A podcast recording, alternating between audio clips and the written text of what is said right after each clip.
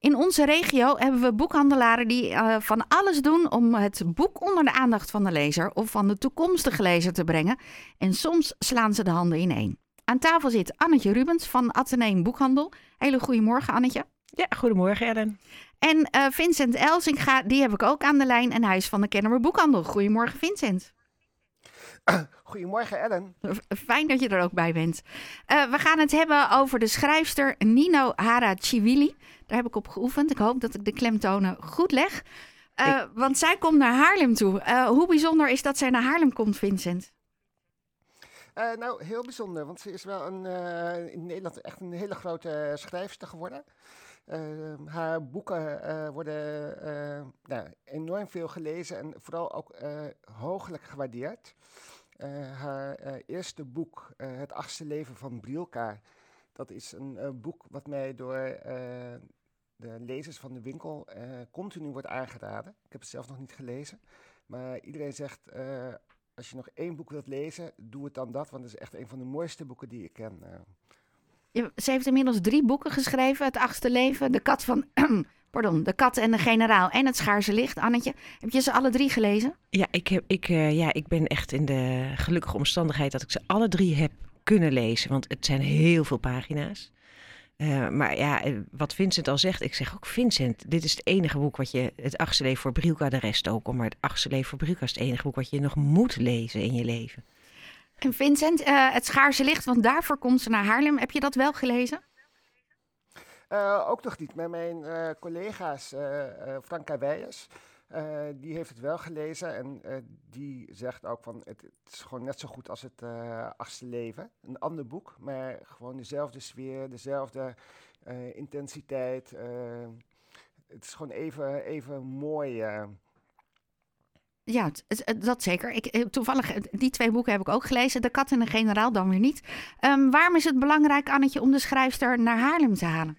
Uh, nou, het is een, een, een heel bijzondere vrouw. De, ze beschrijft in het allereerste boek het, de geschiedenis van een familie die uh, in nou, Georgië is. Ze komt zelf uit Georgië. Het is een Georgische familie die ze beschrijft. En ze beschrijft in dat eerste boek acht levens uit die familie. En die bestrijken ongeveer een eeuw. En het is echt een fantastische familiegeschiedenis waarbij je ook nog eens heel veel over ja, Oost-Europa leert kennen, Rusland, Georgië. En zij brengt daarmee eigenlijk de geschiedenis van haar land naar Nederland. Ze is zelf gevlucht op een gegeven moment, is in, uh, of gevlucht, ze is in, in, rond haar twintigste in uh, Duitsland gaan wonen. Haar boeken schrijft ze ook in het Duits, ze is helemaal voor Duits. Maar ze brengt op een hele mooie manier het, ja, de geschiedenis van haar land en wat daar allemaal gebeurt. En zeker nu we met Oekraïne en Rusland te maken hebben, ze, ze geeft heel veel inzicht in wat daar gebeurt. En daarnaast kan ze fantastisch schrijven en wordt ze dus ook heel mooi vertaald. Want dat is natuurlijk ook een kunst om dat te kunnen doen. Uh, dus ja, dat, dat, dat maakt de urgentie van deze boeken, naast dat ze heel mooi zijn, gewoon heel hoog. En hoe bijzonder is het dat ze naar Haarlem komt? Nou, ze woont natuurlijk in Duitsland. Um, ze is vorige, uh, vorig najaar hier in Nederland geweest. Uh, en is nu uitgenodigd door de CPNB om naar het, uh, naar, in de Boekenweek naar het boekenbal te komen. En dat is eigenlijk heel bijzonder dat iemand zo uit het buitenland wordt uitgenodigd. En dus is het ook heel bijzonder dat zij, die zoveel boeken in Nederland uh, uit, verkoopt, na, naar Haarlem komt. En wij zijn, Vincent en ik zijn benaderd door de uitgever dat ze naar Haarlem wilde komen. En ze had ons gesproken in het najaar. En ze zei: Ik wil heel graag met die twee boekhandelaren iets doen. Kunnen we daar niet iets op organiseren? Nou, dat gaan we natuurlijk doen. Ja, uh, Vincent, hoe bereid je zoiets voor? Uh, nou, veel overleg. Uh, en veel, veel nadenken, bedenken wat leuk is voor, voor lezers, voor hetgeen die de boek gelezen hebben. wat een waardevolle aanvulling kan zijn, zo'n bezoek.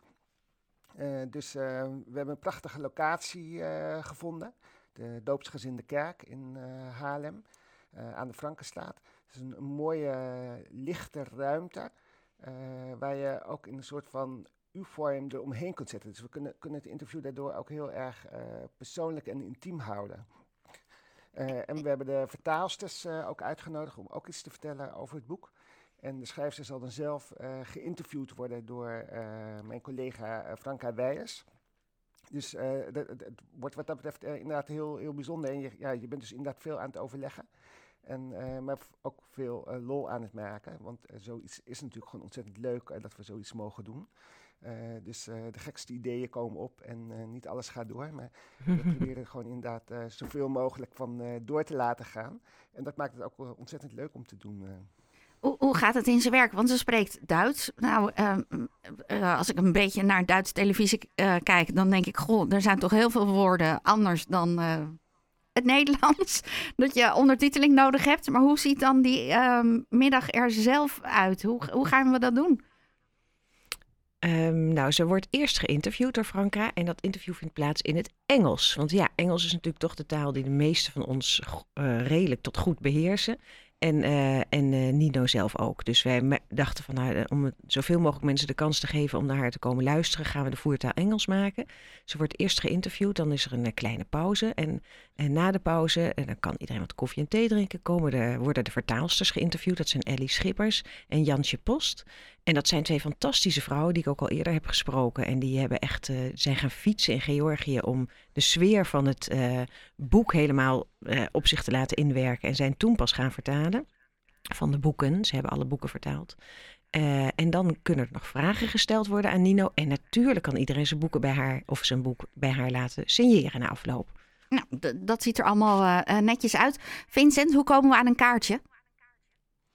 Uh, je kunt gewoon een uh, berichtje sturen naar uh, de boekhandels, naar Atheneum of naar Kennemer. en daar zijn kaartjes, liggen daar klaar en die kun je daar afhalen. En wat kost een kaartje? Dus eigenlijk 12,50.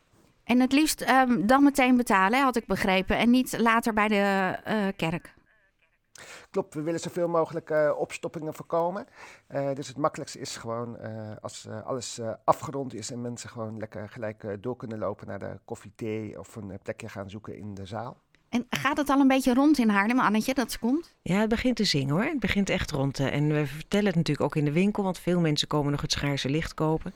En uh, als dan zeggen we van, goh, ze komt 12 maart, want het is dus op 12 maart, de eerste zondag van de Boekenweek. Dan, uh, dan is er dus om drie uur, kunt u de lezing bijwonen. En ja, het begint echt nu te zingen. Mensen, het is ook een beetje vol ongeloof als je het aan mensen vertelt. Nee, echt, komt ze echt hier en kunnen we daar naartoe? En ja, dus ik zou zeggen, kom gewoon allemaal naar de winkel of bel even, want we kunnen ook even een kaartje reserveren. En... Uh, uh, nou, het is fijn dat zowel bij de Kennemer kun je het halen als bij de Atheneumboekhandel. Dus uh, nou, ja. ga ervoor. En het Schaarse Licht gaat over vier vriendinnen um, die, um, wanneer zij nog uh, heel jong zijn, de oorlog uitbreekt tussen Georgië en Rusland. En zij blikken terug op hun leven naar aanleiding van een fototentoonstelling wat uh, de foto's zijn gemaakt door één van die vier vriendinnen. En je weet eigenlijk al aan het begin van het boek dat die vriendin niet meer leeft. Precies. Maar hoe dat tot stand ja. is gekomen. Ja, eigenlijk vindt het uh, hele verhaal in een paar uur tijd plaats. Maar ja. je, uh, je, doet er ruim 700 bladzijden over voordat je aan het eind van de avond bent. Precies. Oh, je heb je het goed samengevat, Ellen. Gelukkig. en dat al ruim 700 bladzijden. het is een boek uh, waar je nog een week lang minimaal mee bezig bent om afstand te nemen van die vriendinnen. Er gebeurt nog veel meer bij jullie in de boekhandels. Wil ik ook nog even aanstippen. Vincent, welke activiteit heb jij nog meer op je lijstje staan? Nou, uh, vanmiddag om drie uur uh, hebben we een heel leuk, uh, neem ik aan, gesprek tussen Dick van der Meulen en Arthur Umkloof, beide Haarlemse schrijvers. Ehm, zij hebben allebei eind vorig jaar een boek uitgebracht, de ene een biografie, de andere een roman, bij dezelfde uitgever ook.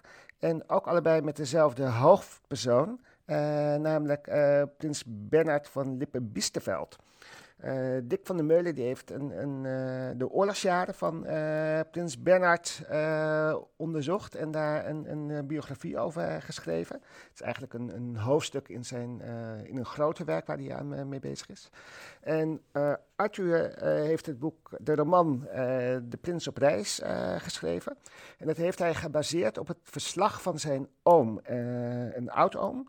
en die was de persoonlijk secretaris van Prins Bernhard. En die was mee op een reis door Zuid-Amerika, onder meer langs uh, Argentinië, waar hij uh, onder meer ook uh, Eva Peron ontmoet heeft. En die twee gaan met elkaar in gesprek over de hoofdpersoon, maar zeker ook over de verschillen van hun boeken. Hè. De een heeft een roman geschreven, de ander een biografie. hoe ga je daarmee om? Wat zoek je uit? Wat, wat neem je voor waar aan? hoe ver mag je gaan in interpretatie? dus het was volgens mij een heel leuk, leuk en boeiend gesprek. Nou, we kunnen nog aanschuiven. Jazeker, ja hoor.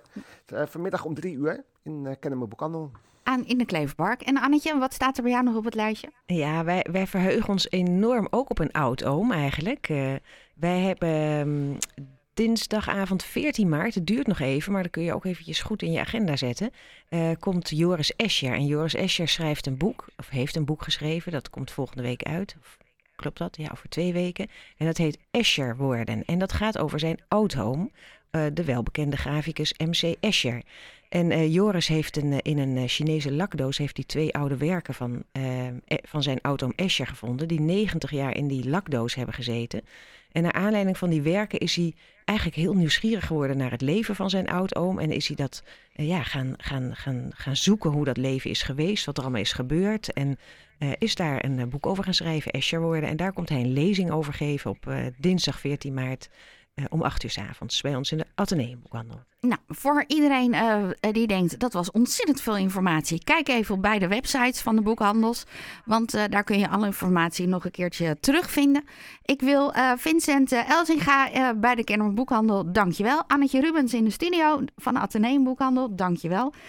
kaartjes voor 12 maart zijn te koop. Loop even langs in de boekenwinkel of stuur even een e-mail. Want er zijn echt wel veel kaartjes, maar je wil niet misgrijpen. En het boek wat besproken wordt is Het Schaarse Licht.